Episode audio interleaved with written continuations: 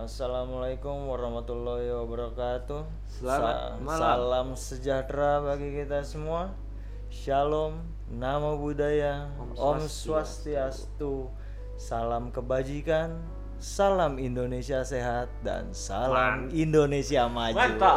Mantap. gue paling suka. nah, asal kalian tahu tadi yang membuka adalah suara dari Common Sense. Yang mana di episode pertama dia mengaku dan mengklaim bahwa dia adalah Kristen. Maksud lo apa?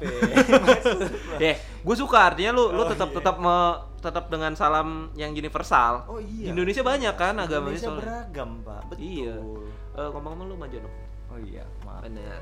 Ya, jadi jangan cuman satu salam doang. Iyalah. Supaya mungkin yang lainnya juga lebih lebih nikmat, lebih diakui juga. Salam itu kan salah satu bentuk mengoper kehangatan Mengoper kita. nggak tuh Mengoper anjir bahasanya. kehangatan kita ke orang lain. Iya, iya, iya. Kalau kita pakai semua agama nih salamnya, kehangatan Uh. kita tuh da- diterimanya bener-bener diterima Uh, banyak sama banget yang udah. lain. Nah, gitu. Udah gitu kalau di agama gua tuh ini juga, Pak.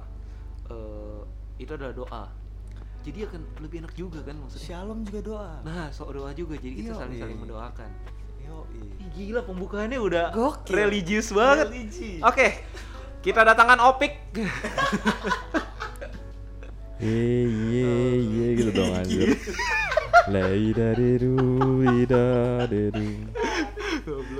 Tembok api dong. Oke, gua Bison dan di sini ada dua sahabat-sahabat kita. Ada Common Sense dan juga ada Wisal Halo. Halo. yang selalu ngomong halo doang kalau lagi main game dan lalu main gitar bikin Halo. sinyal saya I- macet. Itu Wiso, Kayak gitu. bukan Ya, saya. Wisal, Pak. iya emang Ya penyakit. gitu. dia. Salahin provider dong. lagi matchmaking ini malah main gitar Iya. sama beatbox Yoi. Iya. Tank gua belum belok di guanya lu bilang udah belok, belok, belok, belok. Bawel banget. Oke. lanjut lanjut Jadi malam ini kita mau eh HP gua belum di silent. Eh, Jadi ketahuan bukan Apple. tidak profesional gimana sih? Oke. Bapak, jadi malam ini kita mau bahas apa, Pak? kita bahas yang lagi hot se Wih. seantero dunia Mia Khalifa. Oh, itu Oh, enggak bukan. santero dunia tahu pak itu enggak santero dunia tahu saya nggak tahu Oke. Ya, saya nggak tahu saya nggak- apa itu Mia Khalifa? Tapi Anda bisa itu bangunan di Dubai ya Nah, Anda bisa membalas itu beda lagi itu, Burs. oh iya Hot maaf seantero dunia nih. seantero dunia mengalami Sedunia lain juga nggak? Hari Panca. wah Hari Panca. aduh. bukan hari tanu ya Bukan oh, wow, hari oh, oh, Tanu. oh, oh, oh. Lagi Haryanto. Guru olahraga itu. Nanti dicari. ayo bahas apa kita hari ini Eh, Oke, kita bahas eh, pandemi yang belum kelar-kelar. Tapi kita bahasnya dari kacamata yang mungkin agak berbeda. Hmm. Karena kalau dari kacamata kesehatan, jus itu bukan bukan ranah kita. Kita nggak nggak Betul. terlalu berani. betul Jadi kita lebih da- eh, kita akan lebih bahas ke sosial sosial, Sosial. Sosial, dan sosial. juga keuangan. Boleh boleh. boleh Ah, duit sosioekonomi sosioekonomi, sosiobiografi, sosio. udah udah udah udah udah. Nggak usah dilanjutin. Oke, jadi kita akan bahas pandemi. eh kita akan ya lagian serius banget episode 1 udah serius banget, Pak. iya iya sih Wuh, Capek otak gua. mau gebu-gebu Uh. pada ceritanya Gila, sampai gua pulang-pulang tuh sampai langsung nontonin berita tuh kalau gua pengen bertindak tuh kayak gimana ya? Asik. pulang gua cuma coli doang Enggak, Oh, lanjut. enggak Eh, Oke. Jadi eh, dari pandemi ini kita mau bahas soal warga plus 62 atau warga-warga Indonesia. Hmm. Karena unik sih menurut gua. Menurut gua Indonesia salah satu negara yang tidak kalah unik dari negara tetangga yang kemarin sempat terjadi gelombang kedua. Hmm, iya. Tahu kan? Tahu dong yang Tahu makanannya seru banget tuh kalau di YouTube street food gua nggak nggak bisa gua nonton itu lebih dari tiga menit jujur. Ini ter- ter- terlepas dari pembukaannya ya maksudnya. Ini negara, pokoknya ini negara eksotis banget dah. Iya gitu. Iya. Nah, eh di Indonesia juga cukup unik menurut gua. Walaupun eh, bisa dibilang kita jangan sampai lah ya eh, terjadi gelombang kedua atau gelombang berikut berikutnya gitu. Betul. Walaupun kita raja Asia Tenggara Iya. untuk pandemi ini. Ini Bapak Wisau ke mana Pak? Aku hadir di sini. Oke. Nah, Tangan jangan dibawa Pak tangan. eh jangan ke paha gua. Eh. Oke. Kenapa gue bilang menarik? Karena eh, di Indonesia sendiri gue menangkap ada beberapa kubu. Ya, tapi yang yang akan kita bahas adalah dua kubu ini, yaitu orang-orang yang percaya sama COVID, COVID-19 dan orang-orang yang per- yang tidak percaya dengan COVID-19. Believers and non-believers. Nah, itu fansnya ini Justin. Itu belieber. Oke, sorry. Eh, Ngomong tuh belieber. itu belibet. Wah, Oke. mantap. Wisau nggak akan nemu kayak gitu gitu. Bercandanya Susah susah banget. susah. Lanjut Susah. lanjut. Susah. Beda itu beda. Ada susah susah. Eh, menurut menurut kalian berdua dulu. Lagi-lagi kita kembali beropini dulu ya. Kenapa sih di Indonesia tuh ada orang-orang yang percaya dan tidak percaya? Mungkin sebenarnya ini tidak terjadi di Indonesia doang setahu gua. Di negara lain pun banyak loh. Tentunya, Pak. Banyak Tentunya. banget. Nah, eh menurut kalian itu kenapa ada percaya dan tidak percaya dengan COVID? Menurut gua, Iya. karena manusia pada dasarnya adalah makhluk yang berpikir. Oke. Iya kan? Ini gue suka nih sudut Eh, pandangnya nih. iya. Ini gue suka nih Mantap, sudut mantap. Terus terus. dasarnya manusia adalah makhluk yang berpikir. Hmm. Jadi setiap manusia karena mempunyai eh, kemampuan, ability untuk berpikir, maka outputnya bisa berbeda-beda, bapak. Oke. Dan untuk yang bisa dipercayanya juga berbeda-beda, bapak. Oke. Kalau untuk masalah percaya atau tidak percayanya, buat yang tidak percaya mungkin ada yang orang-orang yang eh, apa namanya itu Wah. eh, konspirasi garis keras. konspirasi garis Nah, keras. orang-orang yang cinta banget sama cerita-cerita konspirasi. Oke. Oke. Nah, kalau yang ah, ada lagi juga yang non believers, orang-orang yang sudah tidak terlanjur, eh sudah tidak terlanjur, salah salah. Orang-orang yang sudah terlanjur tidak percaya dengan pemerintah. Oke. Ya. Iya kan? Itu menarik juga tuh. Iya. Itu Terus, ada, ada pihak-pihak orang-orang yang nggak- yang udah terlanjur tidak percaya dengan pemerintah, akhirnya apa aja yang dibilang nggak percaya, bodoh Hmm, amat hmm, gitu kan. Yoi. Nah, dan ada orang-orang yang kalau yang percaya orang-orang yang memakai common sense-nya. Wah. Yo. Nama lau. Promosi akun tuh kayaknya. Yo, Biar iya, di add dia. Common sense, K A M M E N S. Bukan common Ini sense. nggak nih serius kalau misal beneran sampai banyak yang nge-add kita mungkin akan diskusi di Discord. Iya, Asli. di Discord. Di Discord nih. Iya, iya. Oke, eh kalau menurut Bapak Wisau Kenapa nih? sebagai ketua dari asosiasi Asosiasi tukang rujak. Covid. Yoi. Oke, Yoi kan? Yo. Gue suka nih kalau dia, Asosiasi- dia tuh gak ada perlawanan kalau Enggak, kita- gua asosiasi importir kedondong. Oh, Waduh. Ya kan lu? Nggak tahu kan lu kedondong dari mana daerahnya? oke. Kalau gua asosiasi peternak tapir. Nah, saya belum nemu. Lanjut. Aduh, ya lanjut. lanjut Bapak Wiso. Oke. Jadi sebenarnya eh kenapa hoax dan misinformasi soal Covid itu ada gitu ya? Bentar, berarti ini Kak tidak percaya salah satunya karena itu. Karena hoax. Oke. Jadi kalau menurut gue sih eh, orang-orang yang nggak percaya COVID itu mereka kemakan hoax sama misinformasi gitu. Oke. Jadi kalau gua masih percaya bahwa COVID itu beneran virus bro, beneran pandemi gitu. It's not uh, just a flu, no. Uh, data sudah menunjukkan bahwa banyak orang meninggal karena COVID. Penyebabnya jelas gitu, bukan karena oh ini karena karena diabetes karena apa enggak, karena COVID memang uh, itu sudah banyak orang itu angka yang tiap hari diupdate sama TV sama WHO 3 juta orang meninggal itu nggak mungkin lah konspirasi segitu 10% populasi dunia mati bro gara-gara covid ya 10% ya, Pak? 10 persen 10 persen uh, populasi dunia ya yang uh, diperkirakan seperti itu ya Uh, terdampak lah istilahnya kalau misalnya kita nggak bilang mati terdampak oleh covid ya jadi kalau menurut gua ya kalau orang sampai sampai masih nggak percaya covid itu ya gua rasa mereka salah dapat informasi gitu Mas, mereka masih cenderung lebih percaya informasi-informasi yang ya miss uh, in, dis misinformasi, disinformasi dan hoax. Mohon maaf gitu. Pak. Sepertinya bukan salah mendapat informasi, Ah, tapi salah percaya informasi. salah percaya informasi ya, ya. Sebenarnya salah. informasi banyak. Kalau mendapat informasi sudah pasti. Ah, ya benar-benar. Iya, iya, iya. Jadi Cuma masalahnya informasinya itu miss, dis dan hoax gitu kan? Iya. Ya nggak sih? Hmm, Benar. hmm, benar, benar. Mereka nggak buta informasi gitu. Mereka tetap kan, maksudnya di era sekarang orang-orang ya tadi sosial media, internet itu internet of things lah zaman sekarang ini kan orang dapat gampang banget uh, uh, mendapatkan informasi. Tapi masalahnya pertanyaan adalah informasinya benar atau tidak gitu kan? Benar, ya nggak sih? Nah kalau menurut gue ya kenapa orang masih tidak percaya dengan covid karena mereka uh, salah mendapatkan informasi yang benar kalau menurut gue ya.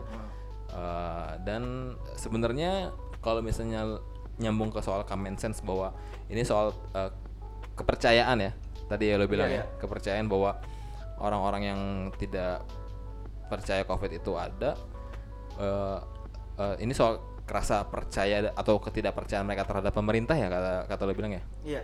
dan memang eh, sebuah penelitian menunjukkan eh, ini dari Roland Imhoff dan Pia Lamberti ya. Oh, tahu gua tuh Mbak Berti. Ayo, tahu gua, tahu gua. yang- Kenal gua. Sohib gue itu orang Iya. Depok.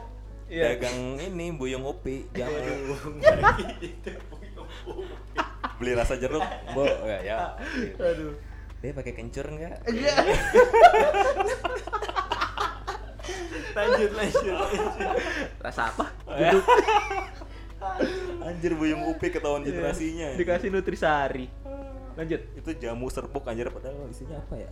udah, udah. Udah, lanjut, Kayaknya lanjut, lanjut. di sini Bebas. bukan bahas buyung upi, kita bahas covid. Kenapa buyung upi dulu populer sekarang enggak gitu kan? Kayaknya eh tapi itu topik pembahasan di lain hari lah ya. Tapi emang penelitiannya Juga kira kita nggak akan Itu biarin marketingnya mereka. Pasti tapi lu pada menanya dong, maksudnya Buyung Upik tuh tiba-tiba nggak ada tuh sekarang gimana? Eh, nanti kali ya kalau kita bahasan-bahasan yang ringan-ringan aja kali ya. lucu Iya, iya, iya. Terus. Nah pokoknya soal kembali lagi ke soal ke- eh, kenapa orang masih nggak percaya COVID? gue membangun argumen gue bahwa mereka eh, mendapatkan informasi yang salah. Mereka dapat informasi tapi informasinya keliru gitu kan.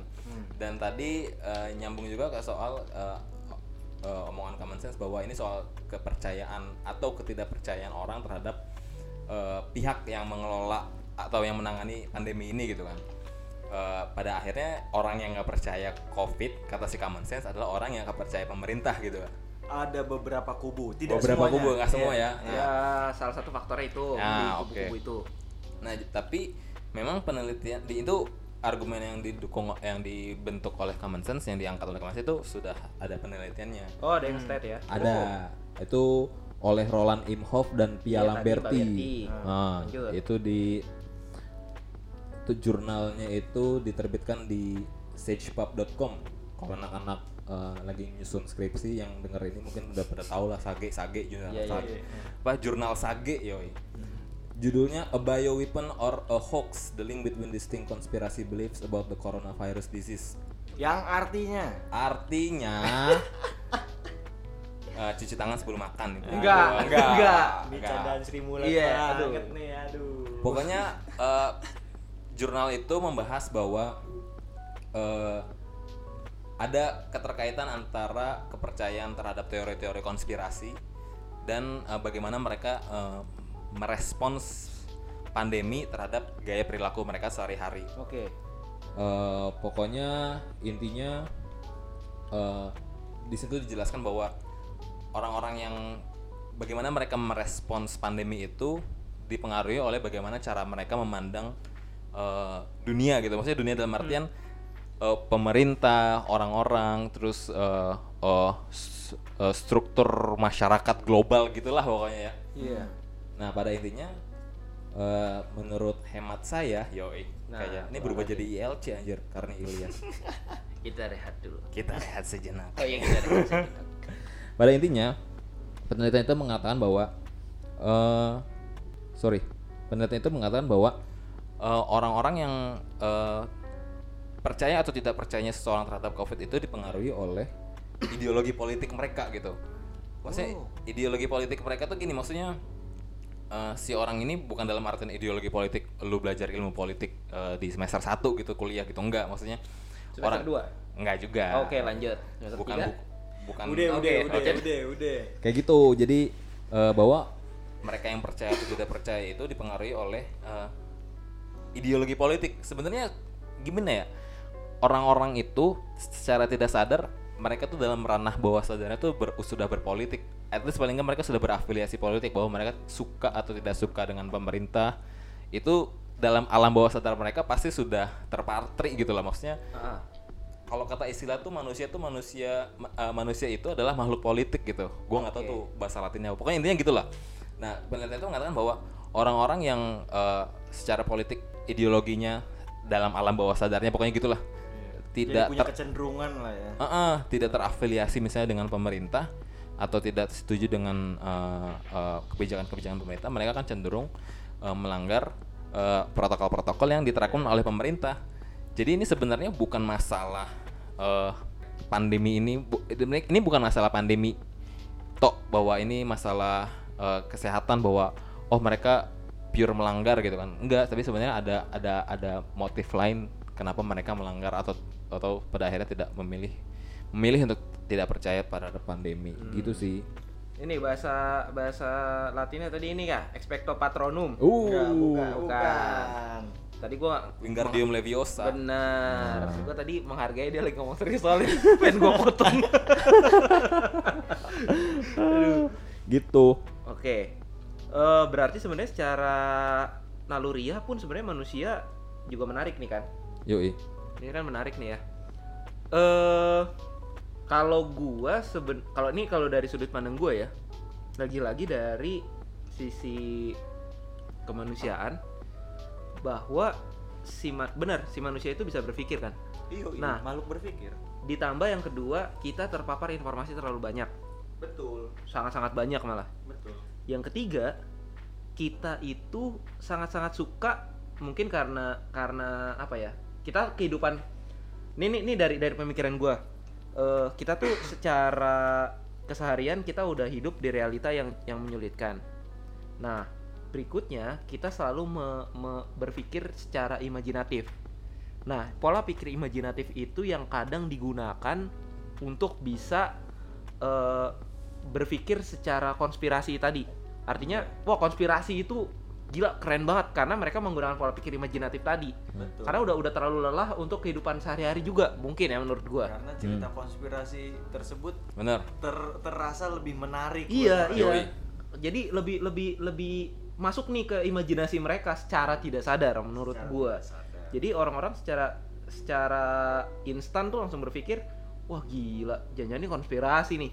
Wah konspirasi, wah di belakang ada New World Order nih. Wah di belakang, wah banyak benar gitu. benar benar Jadi akhirnya eh, lu secara tidak sadar lagi akan akan membawa apa ya? fairy tale di kepala lu untuk berpikir disatukan dengan informasi-informasi di alam nyata gitu. Kalau gue sih kalau gue sih eh, punya pikirannya seperti itu gitu. Nah, akan berbeda sedikit dengan orang-orang yang percaya dengan COVID karena setahu gua ada beberapa ya kayak otak kayak kan dibagi ada ada empat bagian ada beberapa orang yang memang akan dominan di, di otak-otak tertentu dan dan berpikir bahwa eh, ya ini benar gitu jadi berpikirnya secara secara apa ya namanya ya? logis. kalau gue bilangnya tipe tipe thinking lah Hmm. jadi semuanya logik banget nih dia udah dapat informasi apa namanya informasi bahwa ada virus gejalanya ini eh, meninggalnya begini segala macam nah itu dia langsung mikir oh iya ternyata ini benar ini virus gitu ada ada yang langsung secepat itu juga gitu jadi berbeda dengan yang tadi imajinatif segala macam gitu Iya.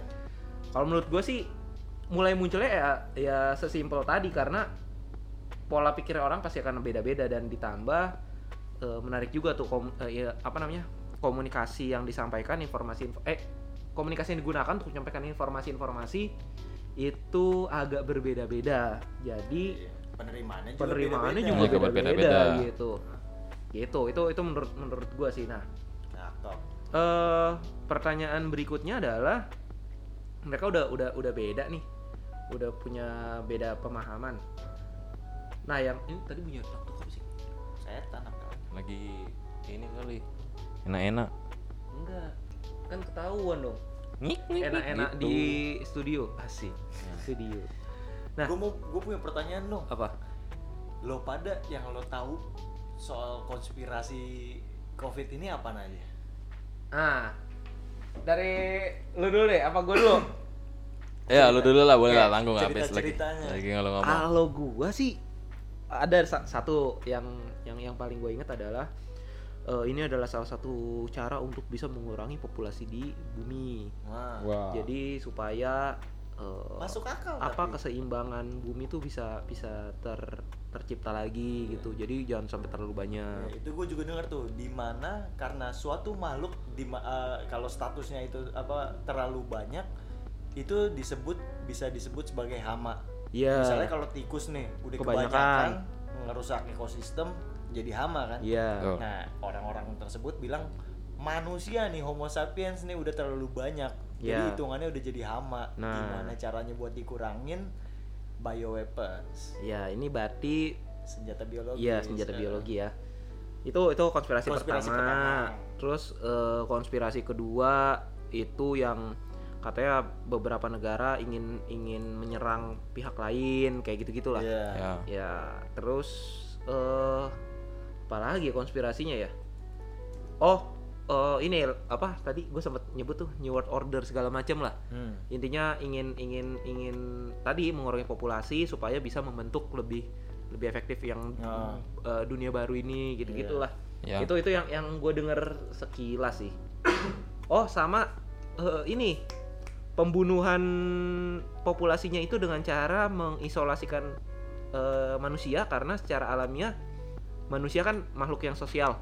Jadi mau ngobrol, nah ini disuruh metodenya masing-masing nih sendiri-sendiri sendiri gitu. Yang mana orang ketika sendiri akan mati kutu pak, karena memang pernah ada, gue lupa ya itu film atau apa pokoknya eh, dia ter- terdampar di salah satu pulau sendirian sama bola voli doang. Oh, Lo lo pasti cast away. Castaway ya. Cast Away. Iya, cast Nah, dia akhirnya menjadikan bola voli itu sebagai seakan-akan ya. makhluk makhluk hidupnya gitu kan. Makhluk hidup sebagai temannya gitu kan Iya. untuk bersosial doang. Nah, itu Wilson. Iya, Wilson. Wilson. bener sih. Bagus untung bukan dia, Mikasa. Iya, untung bukan Iya. ketemunya bola Mikasa. Mikasa. Jangan bawa merek anjir. Tadi udah lu buyung Oh iya. Kan kalau Wilson karena karena filmnya. Oke. Oke. Sama satu gua ada dengar lagi tuh teori konspirasi yang sebenarnya mendukung keberadaan Covid. Dari tadi itu sebenarnya teori konspirasi yang mendukung keberadaan Covid loh. Istilahnya mereka tidak menolak Covid itu tidak ada. Covid itu ada, tapi ceritanya tuh kayak gini loh. Iya. Nah, ada lagi yang- ada yang lagi yang bilang Covid ini sebagai bentuk untuk mendigitalisasikan kehidupan manusia. Oke. Lu bayangin sekarang kita apa-apa semua Digital. serba digital. Digital. Rapat, Digital. Zoom, ya kan. Iya. Kalau lagi beli apa? eh, sekarang kita cashless, Pak. Nah, ya kan. Nggak ada apa istilahnya kebanyakan eh, pihak menolak eh, uang fisik lah gitu Iya. kan katanya begitu mendigitalisasikan manusia nah kalau konspirasi yang menolak keberadaan covid Konspirasi. yang yang bilang covid itu nggak ada sebenarnya Ya itu tadi kalau gua nyebutnya. Apa? Eh, sebenarnya ini cuma permainan beberapa pihak di belakang layar gitu. Dia bilang kalau ini tuh industri apa untuk mendorong industri farmasi. Iya. Oh. Kan vaksin-vaksin jadi pada bikin kan. Ini Ah. sengaja dibuat untuk industri farmasi mulai bergeliat lagi kayak gitu. Iya. Kayaknya teori itu kebanyakan nonton film deh. Eh nice soalnya gun. banyak yang kayak gitu kan ya? Banyak. banyak banyak Itu film apa ya? Gue lupa lagi jadi mikir lagi. udah ya, lah pokoknya gitu udah lah. ada lah Iya, pokoknya. iya. Apa tuh film yang aduh lupa. Pocong dua? Oh, bukan. Enggak. bukan. Enggak. Rumah darah. suster keramas Duh, lupa gue. Film yang lu ini banyak bokepnya ada yang selalu sebutin. Itu- Contagion, Contagion. oh iya iya iya Contagion bawa. Deh. Jadi jadi yang di- nggak tahu nonton aja nanti ya Nah, nonton ya, bahwa salah satu film itu, eh, film itu judulnya Contagion. Salah satu karakter dalam film itu ada namanya Jude Law. gitu. Dia tuh memang jurnalis yang eh, pro konspirasi bahwa dia bilang pandemi ini tuh cuma konspirasi supaya menekan, mendorong industri farmasi eh, om- mem- melakukan Untuk- produksi. Heeh, menumbuhkan bisnisnya ya. Men- menumbuhkan bisnisnya. Sementara eh, industri farmasi itu kebanyakan dipegang oleh negara-negara maju gitu kan. Hmm. Jadi memperkaya eh, yang kaya semakin kaya, negara-negara yang miskin makin hancur dulu lantak gara-gara pandemi. Nah, kayak gitu dia bilang. Ya. Sementara mereka mendorong eh, si karakternya si Jude Law itu dalam film Contagion supaya orang-orang jangan percaya sama vaksin segala macam. Wah banyak dah itu konspirasi. Oke, oke. Dan memang eh, gimana ya? Sempet sempet juga sih eh, waktu awal-awal pandemi ini muncul gitu kan film itu tuh dijadikan referensi bahwa ini film dari tahun sebelum pandemi udah muncul Udah gitu ah. udah udah muter tuh di di, di layar tancap gitu kan Oke. Waduh masih layar tancap pak. Layar tancap Lanjut. tapi memang film itu dibilang ahead of of its time gitu bahwa Hmm. eh, meramal bahwa eh, apa ya maksudnya dinamika yang terjadi dalam film itu kemudian juga terjadi di dunia kita saat kita menghadapi pandemi yang sebenarnya dan ya eh, kalau gue bisa bilang ya 80% dari apa yang terjadi gitu maksudnya dalam konteks bahwa si karakternya itu eh, ada yang percaya konspirasi ada yang tidak gitu ya itu memang terjadi juga saat kita berhadapan dengan pandemi yang sebenarnya di dunia nyata kayak gitu Oke. Nah, ya, apa? Ya gitu dulu deh Oke. gua. Nah, yang yang yang yang berikutnya yang gue iniin, lu pernah nggak ketemu sama orang-orang yang tidak percaya dan perilaku mereka paling ekstrim yang pernah lo tahu apa? Wah, ojek online pak. Kenapa tuh? Ojek online gua. Apa waktu itu di waktu itu ada percakapan. Nah, biasa kan ojek online kalau naik lu kan ada Iya, percakapan. Yang, yang kalau udah lo nyaut, hah? Eh, Ya, iya, iya, pak. Nah, kalau ini percakapannya Eh, eh, jalan eh, pak, karena gitu. dia ngomongnya kencang. Uh, Kebetulan dia berasal dari sa- salah satu etnis wilayah yang sama. etnis yang suaranya gede lah. Hmm, lu tahu gua tuh. lah apa ya. Tahu gue tuh. Elf. Lanjut. Ya itu. Nah, pokoknya dia bilang, pokoknya lagi ngomongin masalah kerjaan, terus gue bilang kerjaan gue mengharuskan gue buat keluar-keluar kota, ya kan. Terus dia bilang enak dong, gue bilang nggak enak lah pak, karena kan lagi pandemi lagi ini, lagi covid. Dia bilang ngapain percaya covid? Teman saya ada yang positif, tapi nggak sakit tuh, nggak ngerasa apa-apa. Hmm. Dia kurang ada informasinya kalau ada OTG, orang Ya. tanpa gejala, ya kan tuh dia selama dia selama perjalanan nggak pakai masker mah nggak pakai masker kan membahayakan diri saya ya saya ketakutan Kayak begitulah pokoknya kebay iya itu salah satu yang yang se ekstrim ekstrimnya paling nggak pakai masker sih cuman kan itu merugikan orang lain lah Yang ya percaya ya. Ah, yang percaya bikin was was minimal Oke. kalau nggak menularkan Kalau lu wisau, yang kan lu kan juga tadi kan udah nge-state di awal bahwa lu percaya bahwa ini adalah virus gitu kan. Lu Iya. pernah nemuin itu? Kalau gue sih pengalaman pribadi ya ada keluarga yang bilang bahwa eh, ini tuh cuma flu biasa gitu.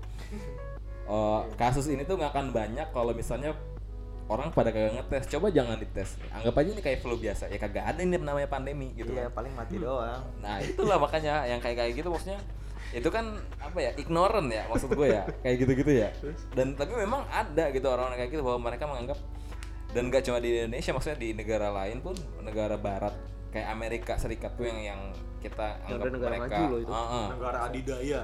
The most advanced civilizations on earth right now gitu kan. Anggap cuma it's just a flu gitu kan. Tapi ya tadi yang gue bilang bahwa pada saat eh, orang-orang percaya maksudnya gimana ya?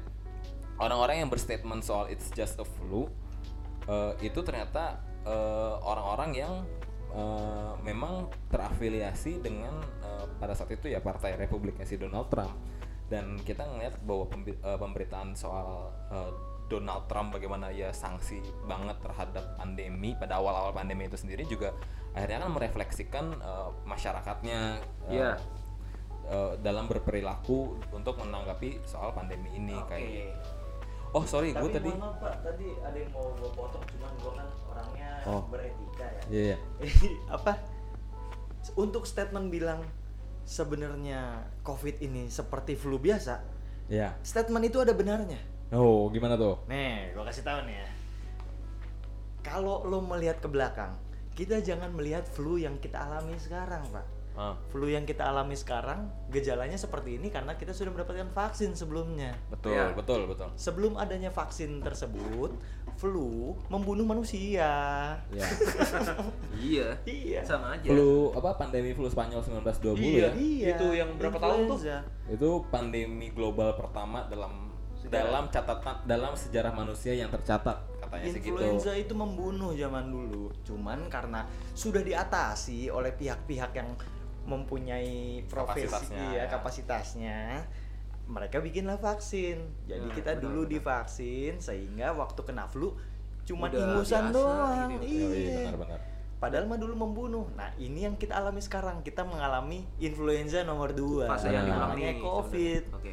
Nah, kita harus terima vaksin dulu supaya nanti di masa depan kita kerja izin, Pak, maaf Pak, Saya izin COVID." sakit, saya lagi COVID. Nah, Ya, sama kayak gitu. kayak lagi flu flu gitu ya. Kayak lagi flu benar.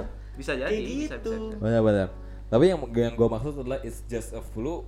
eh, eh, orang-orang seakan-akan meremeh, jadinya meremehkan gitu Iya, kan. Ya, yang benar nggak flu sih? yang mereka Iya. maksud flu, yang Flu kita alami sekarang. sudah kita alami, Iya. bukan Iya. covidnya. Benar, Nah, Iya. benar. Gue setuju gue tapi masuk. tapi gue gue juga mencoba untuk memahami nih eh tadi keluarga lu yang bilang bahwa ini adalah flu biasa coba jangan dites gitu karena ada ada ada aspek lain pak Hmm. coba deh kalau kalau dites karena menurut gua Susah ada, belum belajar. Enggak, Enggak, itu. Patahnya saya kaget loh. Nih gini. Eh misalnya dites. Ini gue coba coba coba mengerti ya. Misal dites. Wah saya positif gitu. Karena banyaknya informasi covid itu semematikan itu banyak orang-orang yang tidak siap dengan informasi itu. Satu. Hmm. dia terinternalisasi nih akhirnya nih bahwa virus ini mematikan banget gitu wah saya positif berarti saya punya virus yang sangat mematikan itu Hmm. Betul. Nah, ketika ketika itu secara tidak sadar lagi mereka akan menurunkan beberapa imunnya dong pasti karena mereka khawatir sendiri. Lagi-lagi kalau orang-orang stres lebih cenderung mudah Lemah. sakit, Iya. Betul, betul. benar kan? Dibanding orang yang biasa aja atau bahagia lah. Nah, menurut gua eh, kayaknya berpikirnya ke arah sana. Kalau orang-orang yang coba deh jangan dites gitu, karena mereka secara secara ininya belum siap, secara secara penerimaannya gitu, belum Iya. siap dengan beberapa hal gitu. Itu sih kalau kalau gue mencoba mengerti itu juga gitu. Jadi kita coba berdiri di dua sudut pandang ini ya, Betul. gitu. Nah, apa tadi gue lupa deh mau bahas apa lagi tuh? Buyung Upi. Enggak. Oh. Enggak gitu. Nah, eh berarti sebenarnya kalau tadi kan dari Wisau, Wisau udah udah udah nge-state bahwa dia percaya nih, Percaya COVID. percaya Covid ya. Hmm. Mm-mm. Nah, kalau lu Percaya lah, Pak. percaya. Kalau gue pribadi sih sebenarnya juga percaya. Hmm. Cuma dengan catatan, eh gue membentengi dengan banyak, eh, co- me- mencoba membentengi dengan banyak hal. Kayak tadi, gue coba berpikir banyak hal. Kalau emang gue sakit, gue coba, gue coba, gue coba tetap, tetap apa namanya, tetap positif eh, thinking untuk untuk bisa bawa vibes imun gue tuh normal kayak gitu. Jadi mencoba mencoba yang kayak gitulah. Nah, menurut eh, kalian untuk orang-orang yang yang tidak percaya itu harusnya kayak gimana? Eh, sebelum masuk, gue mau masukin ke awal dulu urgensinya kenapa. Oh, iya. Jadi kenapa kita bahas soal ini? Eh, bahwa banyak orang Indonesia yang belum masih masih nggak percaya sama COVID. Jadi tuh ada nih penelitiannya, survei lah bukan sur- bukan penelitian ya survei ya. Eh gue mengutip eh, pemberitaannya di Jakarta Post eh, November 2020 bahwa menurut penelitian yang dilakukan oleh tim dari Universitas Indonesia dari eh, tim riset eh, inovasi cluster SIGO SIGO Cluster Innovation and Governance mereka menemukan bahwa eh, sekitar berapa persen ini ya 24 persen sorry 21 persen dari total responden mereka itu menganggap COVID-19 itu sebuah konspirasi dan itu menurut mereka adalah jumlah yang cukup mengkhawatirkan. Ya, Ya, 21 persen lumayan loh, Pak. Hampir Nah. seperempatnya. Yo, Gue juga gue juga mau menambahkan lagi. Ini ada lagi yang yang agak terbaru nih Eh, dari detikhealth.com.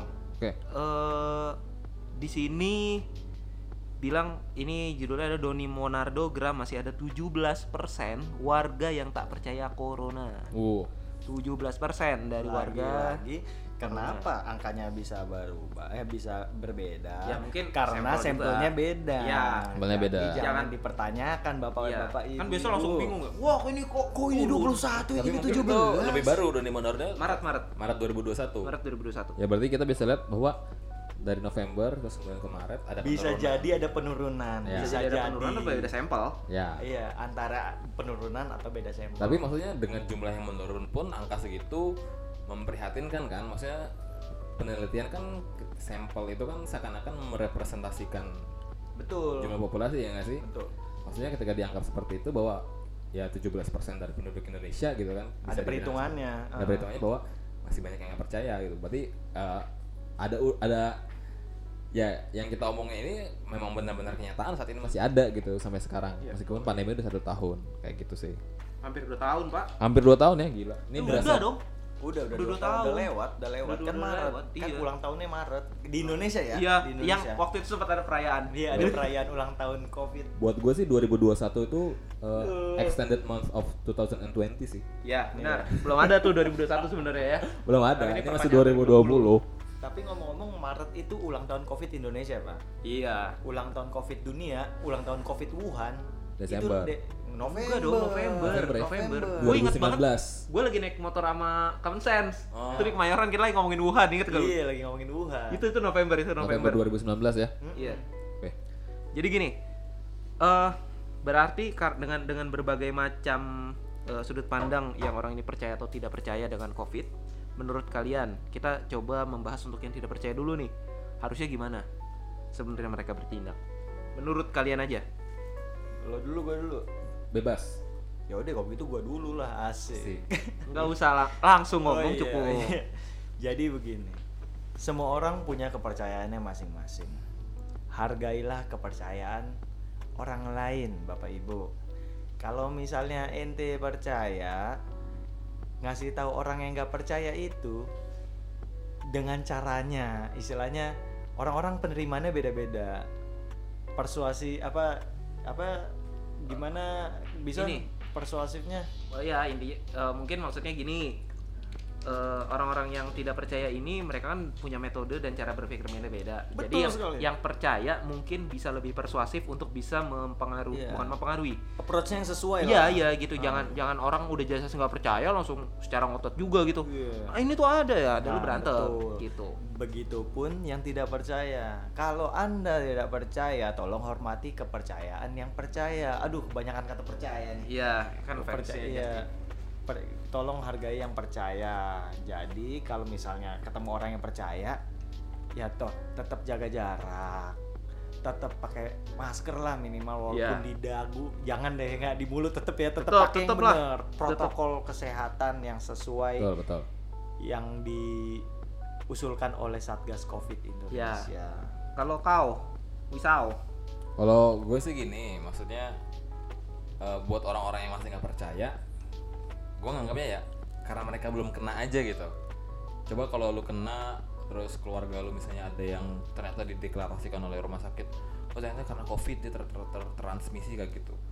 Ah, apakah ah, lu harus nunggu seperti itu dulu untuk sampai percaya Ya enggak kan, maksudnya ya open your eyes lah men. Maksudnya ini bener-bener kejadian gitu. Maksudnya lu ini tuh bukan eh, lagi eh, konspirasi yang eh, segala macem bahwa ah ini cuma bohong, ini cuma flu ringan segala biasa. Enggak, bahwa pada saat sampai saat ini 3 juta angka kematian di dunia itu itu bukan sekedar angka, itu nyawa manusia gitu. Dan gue yakin beberapa persen di antaranya adalah karena negligence orang-orang yang ada di sekitar kita juga gitu. 3 Ada- juta itu berapa persennya 3 juta itu dunia, Pak? nih Berapa to- ya? total total kasus seluruh dunia per hari ini itu 166 juta. Yang meninggal dunia 3,43 3,4 juta. Itu berapa persennya penduduk dunia? Waduh, jangan Ya, ngomongin matematika sama gue dah. Pokoknya hampir lah kalau kalau misalnya yang meninggal itu ya hampir satu persen sih kalau menurut gue ya. Satu persen? Satu persen ya. Dan satu persen itu maksudnya coba lalu jangan Itu melihat angka yang besar buat nyawa. Besar. Itu jiwa, Pak. jiwa. It's not just a numbers gitu maksud gue Iya, itu iya. nyawa. Iya. Ketika lo berbicara soal nyawa itu bukan soal angka lagi gitu kan. Iya. Ya maksudnya kalau gue sih tadi kembali bahwa jangan sampai eh, jangan sampai lu percaya nunggu sampai eh, pandemi ini kejadian eh, di lu atau di orang-orang terdekat lu gitu. Masa lu sampai harus nunggu seperti itu dulu? Enggak Iya. kan kayak gitu. Gue setuju. Dan kalau gue sih nganggap bahwa eh, ketika ada orang yang masih tidak percaya sampai saat ini, gue sih nggak nyalain orangnya, tapi gue nyalain, gue nggak nyalain juga ya. Maksudnya ini masih menjadi pekerjaan rumah bagi pihak-pihak yang Terkait. melakukan penanganan. Nyalain itu namanya. ini. Oh nggak nyalain ya. Enggak, Pekerjaan enggak, rumah lah gue bilang lah. Bercanda, bercanda. Pekerjaan rumah. Perlu dievaluasi kembali. Yoi, tidak menyalahkan, mereka tidak menyalahkan. melakukan, tapi mungkin ada yang lebih efektif dan Sudah baik, Benar. cuman Efisiensi. bisa ditingkatkan lagi. Iya gitu. Itu maksudnya ya tidak Benar. menyalahkan ya. Karena eh, ada nih gue ngutip penelitian lagi dah biar gue kagak nggak salah ngomong. Jadi ya memang eh, salah satu Bentar, lu tuh lagi buka jurnal-jurnal ya? Yoi, maksudnya kan kita biar ngomong Benar, benar, benar. ada data ya. base-nya, on yoi, based on yoi. data. Jadi kalau menurut sebuah penelitian eh, salah satu penyebab kenapa disinformasi eh, orang masih percaya teori konspirasi di eh, eh, teori konspirasi soal COVID ini, mereka masih percaya karena eh, tingkat eh, keterpaparan mereka terhadap eh, eh, informasi soal COVID ini masih rendah gitu. Maksudnya eh, orang-orang yang eh, masih percaya konspirasi ini cenderung mereka eh, nggak nonton berita gitu lah. Maksudnya kudet lah kalau gue bilang gitu kan. Nah dan menurut gua ya ini jadi jadi eh, ini buat anak-anak anak-anak PR lah pokoknya PR PR yang kerja untuk pemerintah bahwa lu tuh masih ada PR untuk meningkatkan exposure kampanye COVID lu eh eh, ke masyarakat Indonesia gitu. Ya.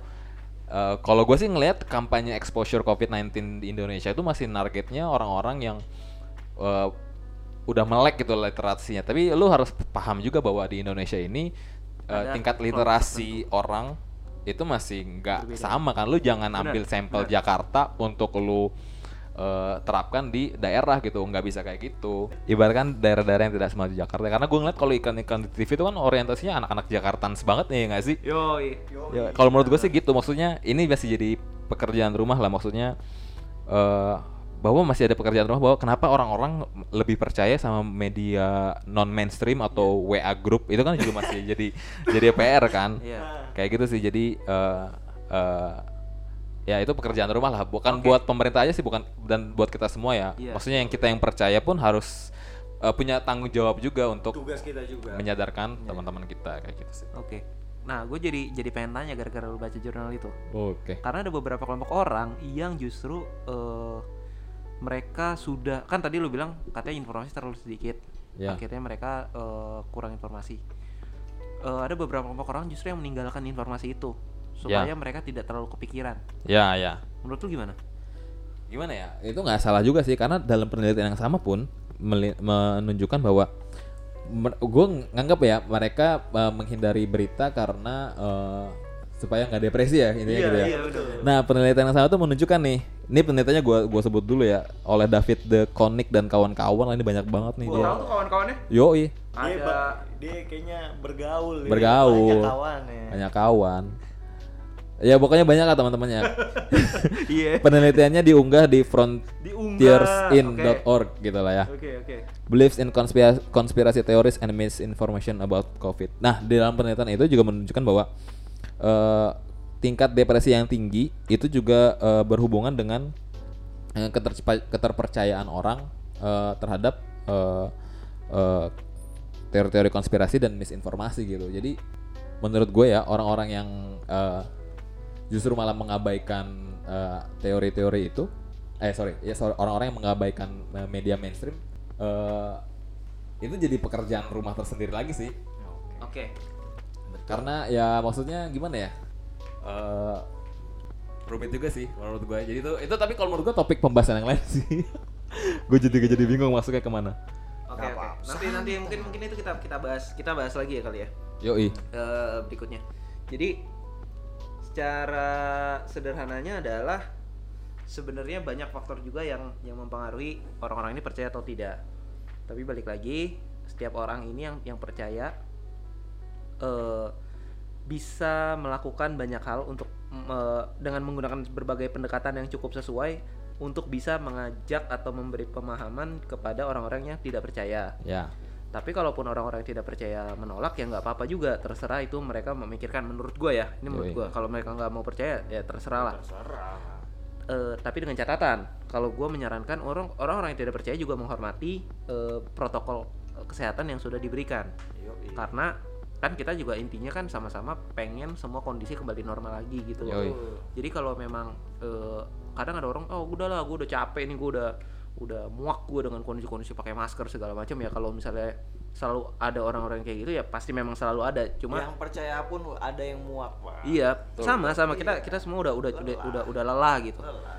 Eh, tapi ya kita kembali lagi gue ingetin lagi supaya kita kembali normal ya coba kita bareng-bareng buat coba me- apa namanya mengikuti protokol kesehatan yang udah dicanangkan ini gitu Betul. sih itu itu menurut gua sih jadi keduanya punya peran masing-masing gue tidak menyalahkan yang tidak percaya gue juga tidak menyalahkan orang-orang yang percaya ya sama-sama coba berperilaku sebaik mungkin lah jangan sampai eh, lu merugikan orang lain kalau gue sih poinnya sih itu Luar biasa Bapak luar biasa. Applause, luar biasa. Enggak, kalau gue sih tetap senang sama yang kawan-kawannya bapak siapa tadi tuh Bapak, Bapak Nielsen. Konik.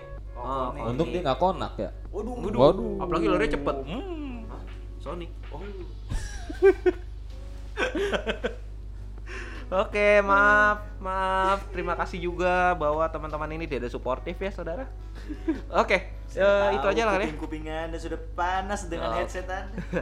Oke, itu aja untuk yang episode 2 kali ini. Yoi. Eh, gua Bison pamit. Gua Wiso pamit. Gua common sense pamit. Jangan lupa add kita di Discord eh, supaya kita bisa langsung ngobrol. Yoi. Eh, cuma mohon maaf Indigo saya juga agak lemot ya jadi ya sudahlah ya.